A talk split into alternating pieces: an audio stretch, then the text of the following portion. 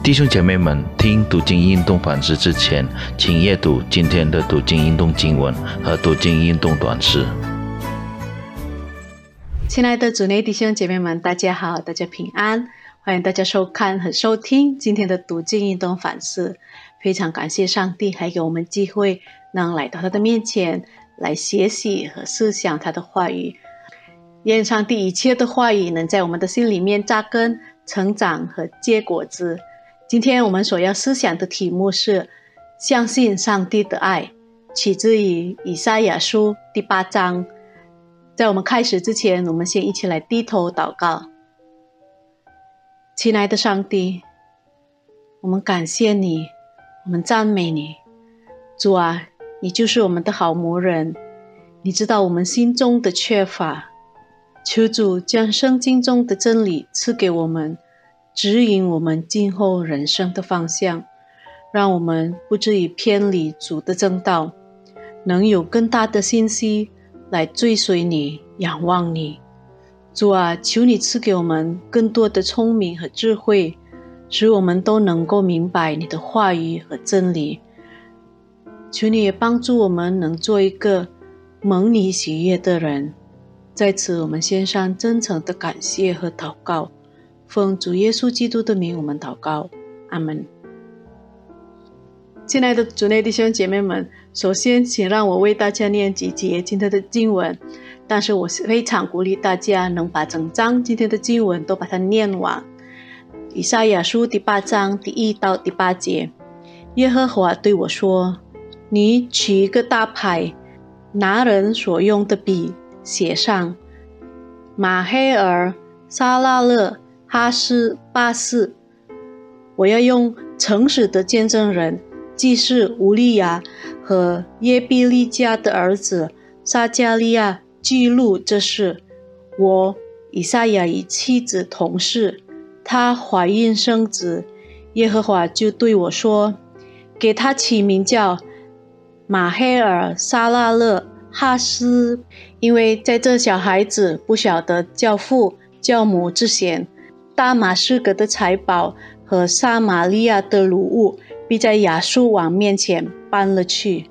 耶和华又小谕我说：“这百姓既咽气西罗亚环流的水，喜悦利寻和利玛利的儿子，因此主必使大河翻腾的水猛然冲过来，就是亚述王和他所有的卫士。”必漫过一切的水道，涨过两岸，必冲入犹大，仗义泛滥，直到景象。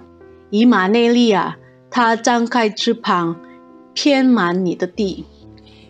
在我们昨天所思想的第七章里，我们得知了让亚哈斯王坚信亚兰王和以色列王的计划将不成功之后。上帝在第八章对以赛亚先知传讲信息，那就是关于将在大马士革和撒玛利亚发生的事情。在前章节里，上帝预言对将在大马士革和撒玛利亚发生的事情给一个兆头，那兆头以双重应验实现了。第一，那兆头通过一个名为以马内利的男婴。出生被实现了。第二，那兆头也通过耶稣基督，也是名为以马内利的出生被实现了。以马内利的意思是上帝与我们同在。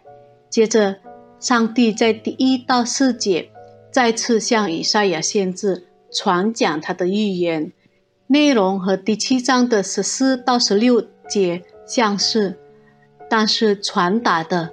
更加详细，上帝也使用以赛亚先知的儿子作为道具。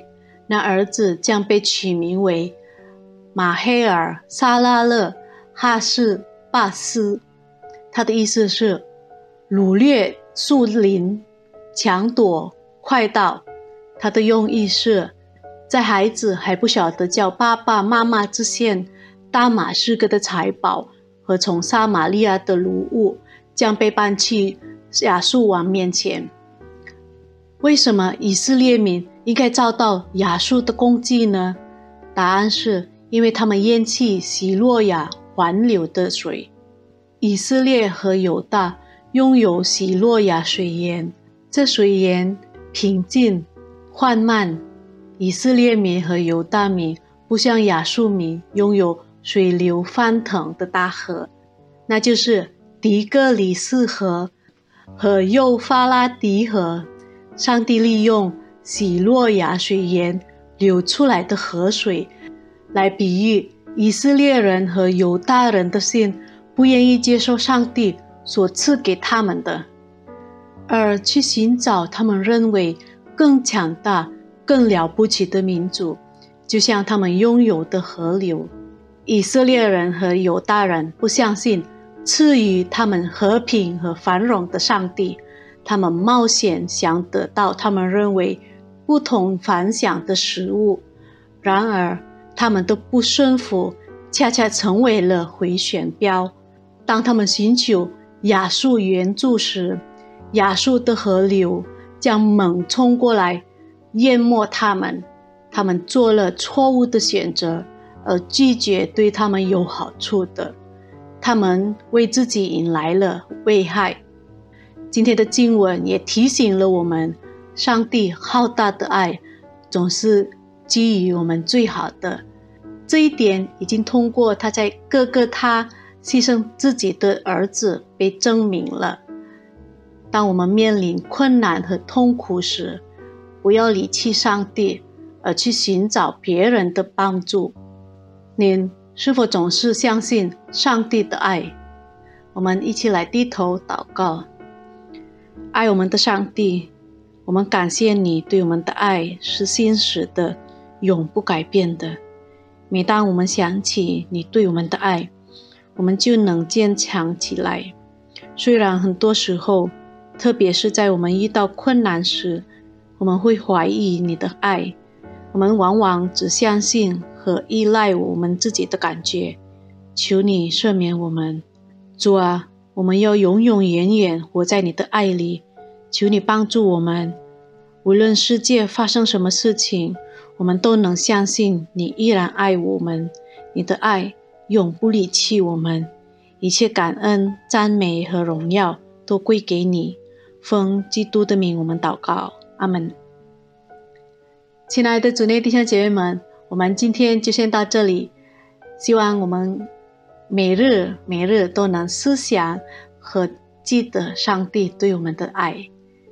我们下次见，以马内利，上帝与我们同在。